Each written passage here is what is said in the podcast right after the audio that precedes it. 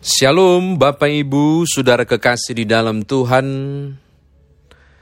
Kiranya sukacita dan damai sejahtera menjadi kebahagiaan Bapak Ibu Saudara. Saya Pendeta Nyoman Jepun, saya mengajak kita untuk merenungkan firman Tuhan lagi ya. 1 Tesalonika pasal 3 ayat 6 hingga ayat yang ke-8. 1 Tesalonika pasal 3 ayat 6 hingga ayat yang ke-8, mari kita berdoa dulu. Sukacita kami ya Tuhan adalah berada di sekitar kebenaran firman-Mu. Dan jika pada kesempatan ini kami bisa membuka firman Tuhan dan merenungkannya, kami bersyukur. Karena itu hikmat Tuhan kami butuhkan untuk memahami kekayaan firman Tuhan ini, lalu kemudian mengerjakannya. Demi Tuhan Yesus Juru Selamat kami berdoa. Amin. 1 Tesalonika pasal 3 ayat 6 hingga ayat yang ke-8 berbunyi demikian. Tetapi sekarang setelah Timotius datang kembali dari kamu dan membawa kabar yang menggembirakan tentang imanmu dan kasihmu, dan bahwa kamu selalu menaruh kenang-kenangan yang baik akan kami, dan ingin untuk berjumpa dengan kami, seperti kami juga ingin untuk berjumpa dengan kamu, maka kami juga saudara-saudara dalam segala kesesakan dan kesukaran, kami menjadi terhibur oleh kamu dan oleh imanmu.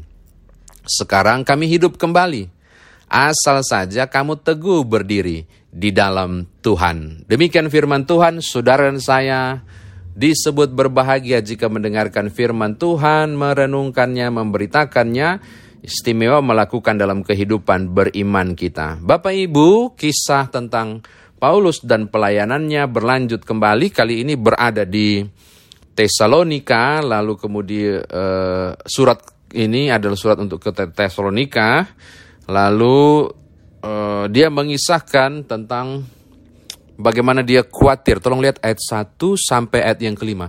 Dia khawatir tentang Tesalonika. Kayak apa mereka ya?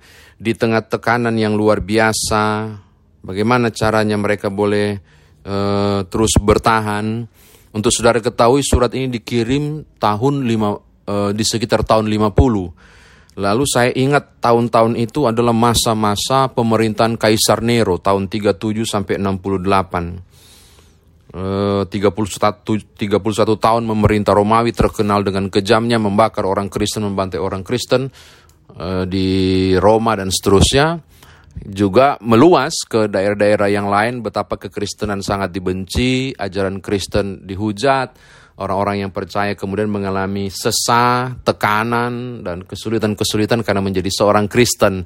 Nah, rupanya dia dapat kabar Tesalonika, jemaat Tesalonika juga menjadi te mendapatkan tekanan-tekanan yang sangat besar karena iman percaya mereka.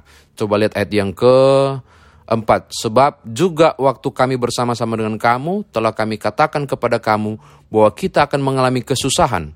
Dan hal itu seperti kamu tahu telah terjadi. Kesian. Jadi mereka mengalami tekanan sebagai orang Kristen, mengalami kesusahan karena orang percaya, percaya pada Tuhan, dan kesulitan demi kesulitan sebagai tantangan iman terjadi. Paulus khawatir, jangan sampai mereka goyah Lihat ayat yang kelima. Itulah sebabnya maka aku karena tidak dapat tahan lagi telah mengirimkan dia, Timotius maksudnya, supaya aku tahu tentang imanmu. Karena aku khawatir kalau-kalau kamu telah dicobai oleh si jahat dan kalau-kalau usaha kami menjadi sia-sia. Maksudnya mereka murtad. Karena tekanan yang luar biasa, karena kesusahan yang luar biasa, saya terpaksa harus utus Timotius untuk lihat kalian. Jangan-jangan pelayanan kami jadi sia-sia kalian kemudian beralih iman karena tekanan-tekanan yang besar. Nah, itu kira-kira.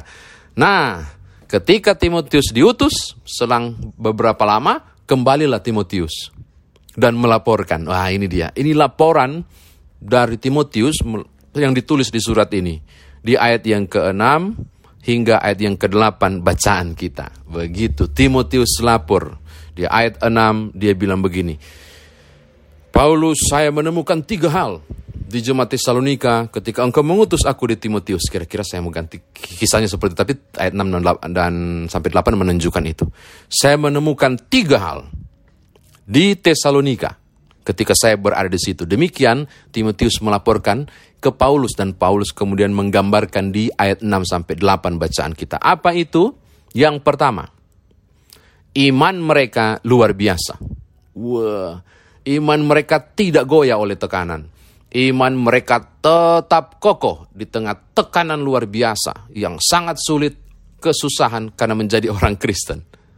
Mereka tetap teguh iman. Yang kedua, mereka mengembangkan kasih persaudaraan, saling menolong, saling terikat satu yang lain, saling menopang. Hubungan kasih persaudaraan itu begitu kuat hingga mereka tidak goyah. Bersatu mereka menghadapi kesulitan demi kesulitan.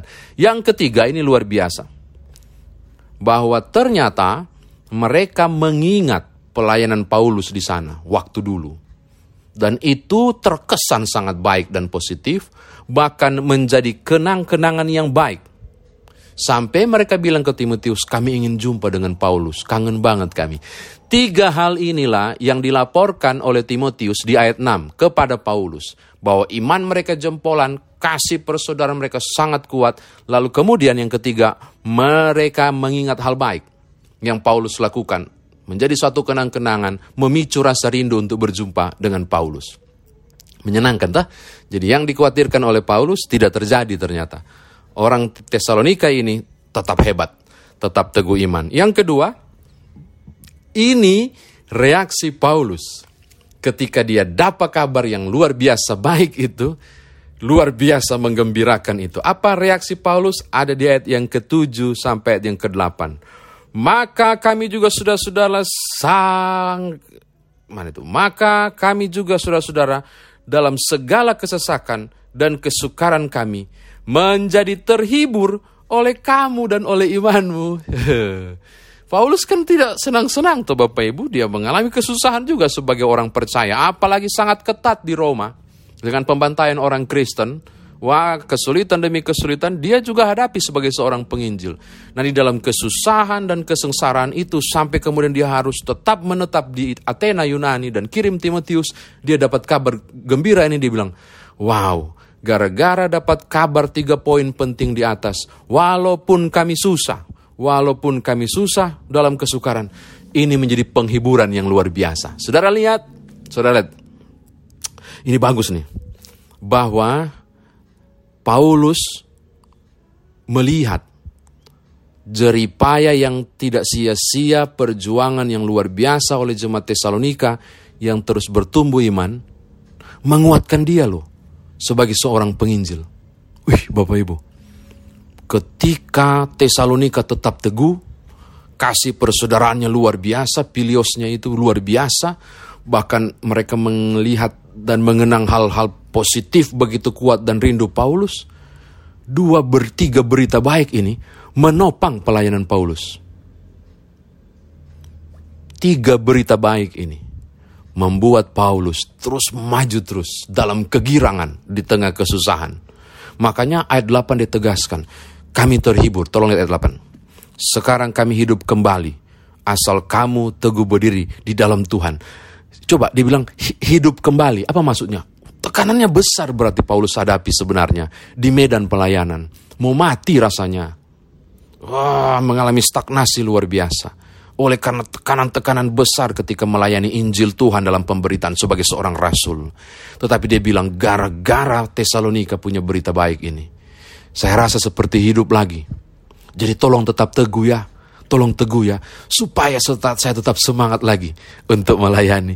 Ih keren banget Bapak Ibu ya. Saya kira demikian firman Tuhan ditafsirkan bagi kita. Nah sekarang bagaimana kita mau bawa dalam kehidupan beriman kita ini yang pertama Paulus ini luar biasa pokoknya dia teladan yang luar biasa seorang pelayan saya kira bercermin pada Paulus adalah hal yang positif dan baik dan penting untuk kita lakukan. Kuatir loh. Kekhawatiran dia kepada perkembangan Tesalonika. Dia utus Timotius dia sampai dia bilang, kami sudah nggak kuat lagi. Kami ingin sekali cari tahu. Kami nggak ada tahan lagi dengar berita ini. Kami mencari tahu kondisimu. Hal yang pertama Bapak Ibu, kekristenan. Identik dengan kasih kan? Tapi kasih itu terejawantakan dari caring atau kepedulian. Paulus melakukan apa pun untuk topang Tesalonika supaya kuat dan utuh. Eh ternyata enggak. Timotius diutus, aman-aman kok Tesalonika. Tapi bukan soal itu kan. Bagaimana dia sangat peduli. Sangat peduli. Sampai dia bilang begini di ayat 1 pasal 3. Kami tidak dapat tahan lagi. Karena itu kami mengambil keputusan untuk tinggal seorang diri di Athena. Kami itu bahasa sopannya. Padahal dia sendiri, Ji. Dia sendiri saja. Dia sendiri. Jadi saya bersedia tinggal sendiri di Athena. Tidak apa-apa Timotius tidak temani saya. Yang penting Timotius datang untuk kuatkan kalian. Eh nggak tahu ya Tesalonika tetap kuat tanpa Timotius sekalian. Tapi yang saya bilang betapa caring itu penting. Peduli itu bukan sekedar oh sakit ya. Cepat sembuh ya. Bagus sih itu memang, tapi itu baru sampai di simpati. Empatinya action. Saya doakan ya, atau WA lah kayak Alkitab yang menguatkan, apa pun. Kepedulian sangat penting. Dalam rangka menopang dan menguatkan. Soal kemudian ternyata kepedulian itu tidak berefek sebab mereka tetap kuat, nggak peduli. Yang penting sudah dilakukan. Paulus melakukannya. Ini hal pertama saya mengatakan kepada Bapak Ibu di masa-masa seperti ini, di masa sulit, di tengah pandemi, ada berbagai musibah terjadi, banjir dan seterusnya. Ada hal-hal yang sangat mengerikan di sana sini terjadi. Saya kira jangan hanya sampai di titik simpati. Tapi mulailah berempati. Berpeduli. Caring satu dengan yang lain sebagai tanda kasih persaudaraan. Sapalah orang-orang kalau perlu telepon lah satu dua menit untuk tanyakan kabar. Itu tanda kepedulian. Atau mungkin sederhana. Barangkali mengirimkan setumpuk masker tersegel misalnya ke orang-orang tertentu. Kita nggak tahu. Tiba-tiba ternyata memang itu yang mereka butuhkan. Dan itu Tuhan taruh di hatimu untuk peduli. Saya nggak tahu. Kepedulian itu tanda kasih. Jadi kalau orang nggak peduli cuma bicara soal kasih, ini persoalan. Paulus menunjukkan hal itu. Ini yang pertama ya yang bisa kita aplikasikan. Yang kedua Bapak Ibu, keteguhan di tengah tekanan itu penting. Mentalitas berjuang itu penting. Di masa kesesakan Kristen perdana termasuk di Tesalonika, mengejutkan bagi Paulus, ternyata iman mereka tetap teguh, mereka mengembangkan kasih persaudaraan dan mendengar melihat hal-hal positif dan mengenang hal positif dari Paulus untuk kemudian menjadi alasan ingin berjumpa. Yang saya mau katakan adalah tidak mudah Bapak Ibu. Di tengah tekanan luar biasa untuk tetap berjuang. Makanya keteguhan sangat penting. Oh, saya mengajak saudara untuk membuka uh, Roma pasal 5. Roma pasal 5 itu sangat baik untuk menjadi kekuatan kita. Saya bacakan untuk Bapak Ibu sekalian. Roma pasal 5. Sebab itu Oh, Roma pasal 5 ayat yang ketiga sampai yang kelima. Dan bukan hanya itu saja, kita malah bermegah juga dalam kesengsaraan kita. Karena kita tahu bahwa kesengsaraan itu menimbulkan ketekunan. Ketekunan menimbulkan tahan uji, dan tahan uji menimbulkan pengharapan, dan pengharapan tidak mengecewakan.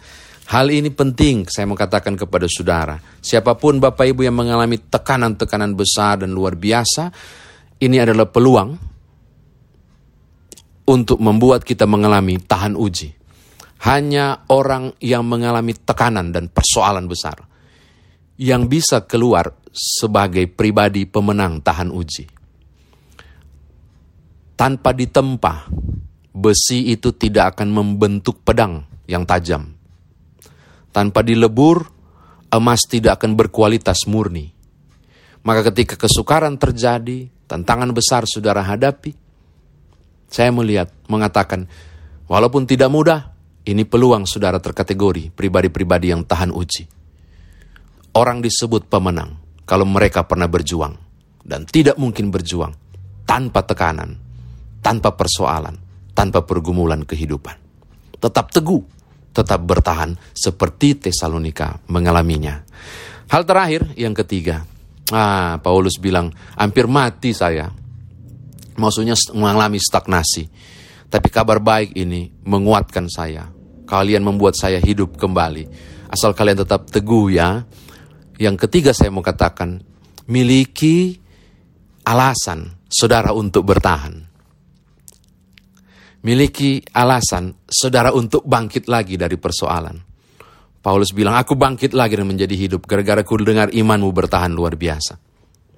Susah saya sebagai seorang ibu, tapi saya mau berjuang. Karena saya tahu anak-anakku punya masa depan. Saya nggak tahu. Saudara harus memiliki alasan, miliki motivasi yang tepat untuk maju. Miliki motivasi yang tepat untuk maju. Seorang raja memberikan sayembara. Gara-gara anaknya sudah usia menikah, tapi belum saja mendapatkan calon suami. Jadi berikan sayembara untuk mencari calon suami putri raja yang jempolan. Orang itu harus, calon pangeran ini harus hebat. Maka dengan sengaja dia membangun kolam yang cukup luas, dan di dalamnya dia taruh buaya yang sangat banyak. Yang kelaparan, ada empat ekor buaya yang kelaparan. Sayembaranya cuma satu saja. Barang siapa yang mampu berenang dari sisi di sini sampai sisi ke situ, dari belakang ini sampai ke depan itu, hidup, berhasil, dia layak untuk mendapatkan putri saya. Dan sekaligus menjadi calon untuk duduk di takhta saya ke depan. Kekayaan akan diberikan padanya. Jadi tiga hadiah yang diberikan. Banyak pemuda mencoba, wah satu, wah, belum sempat sudah mati, belum sempat sudah tewas, berdarah-darah dan akhirnya gagal, dan seterusnya hingga kemudian harus ditolong supaya mereka tetap hidup. Setelah hampir malam, sudah sore sekali, tidak ada lagi orang yang berani. Ada lagi, ada lagi kontestan, kontestan ada lagi, semua bertanya, cari tahu, nggak ada. Ketika sudah mau sunyi, Bapak Ibu, tiba-tiba ada bunyi orang masuk dalam air. Mereka kaget. Ada satu orang anak muda. Wah, di detik-detik terakhir ada juga calonnya rupanya. Dan dia berenang luar biasa Bapak Ibu dia menghindar, mencari cara berupaya buat strategi ketika dikepung, dia selam ke bawah, dia bungkit lagi. Dan seterusnya, tang, tang, tang, tang. Wih, selesai dia. Walaupun luka-luka, tapi dia berhasil sampai di ujung. Wah orang memberi tepuk tangan yang luar biasa. Raja sampai turun dari singgah sana menjumpai anak muda itu dan tanya, siapa namamu? Di mana tempat tinggal? Wah kegirangan banget. Sekarang kamu mau pilih hadiah yang mana? Atau kau perlu mau, kau kasih tiga-tiga ngos-ngosan Bapak Ibu. Si anak muda ini ngos-ngosan lah, tapi dia berusaha mengatur nafasnya supaya kemudian uh, uh, bisa menjawab pertanyaan raja itu. Uh, kamu mau apa? Kamu mau menjadi anak mantu saya? Kamu menjadi calon pangeran? Kamu akan menduduki takhta ini? Udah semangat banget raja itu menyampaikan. Harta kekayaan saya berikan. Kau anak muda yang hebat. Apa yang kau minta? Anak itu sambil menarik nafas tergesa-gesa karena hosa dia tuh. Wah dia bilang begini, Tuanku Raja, saya tidak mau menikah. Oh ya? Kenapa nggak mau? Anak saya kurang cantik. Bukan tuanku raja, mohon maaf. Oke, kalau begitu kau mau, anu, saya kasih hadiah yang lain. Mungkin harta, kekayaan, sebut saja, saya berikan. Terengah-engah dia bilang, tidak tuanku raja, tidak tuanku raja. Oh, lalu apa? Saya ingin dapat jawaban dari tuanku raja. Oh, oh ya? Apa pertanyaanmu? Saya mau tanya tuanku raja, sejujurnya, siapa yang dorong saya sampai jatuh ke kolam itu? Raja kaget. Ternyata dia tidak berniat ikut sayembara Bapak Ibu. Ketika dia jatuh ke dalam kolam, dia cuma punya satu motivasi, saya harus selamat. Yang lain punya motivasi menikahi putri raja, yang lain punya motivasi dapat kekayaan, dia punya motivasi yang lebih unggul. Saya harus selamat. Karena saya harus selamat, saya harus berjuang. Saya mengatakan hal yang sama kepada saudara. Mungkin ilustrasi ini sederhana, tapi efeknya besar. Miliki motivasi yang tepat. Ketika saudara sedang menanggung beban, tekanan yang luar biasa, cari alasan untuk survive. Saya harus selamat, maka dosa tidak akan saya lakukan. Sorga bagianku, saya tetap harus berjuang, saya tidak akan buang salib. Oh, saya harus tetap berpeluh, berlelah, biar masa depan anak-anak selalu ada. Oh, sulit barangkali. Saya lihat tantangan besar di mereka. Beberapa hal kurang dari mereka. Oh enggak, saya punya motivasi yang tepat, yaitu anak-anak orang percaya tidak akan meminta-minta roti Oh saya harus maju perjuangkannya. Miliki alasan yang tepat. Seperti Paulus mendapatkan alasan yang tepat untuk hidup lagi dalam tanda kutip, semangat lagi untuk pengabaran Injil karena Tesalonika luar biasa. Tuhan berkati Bapak Ibu. Haleluya. Amin.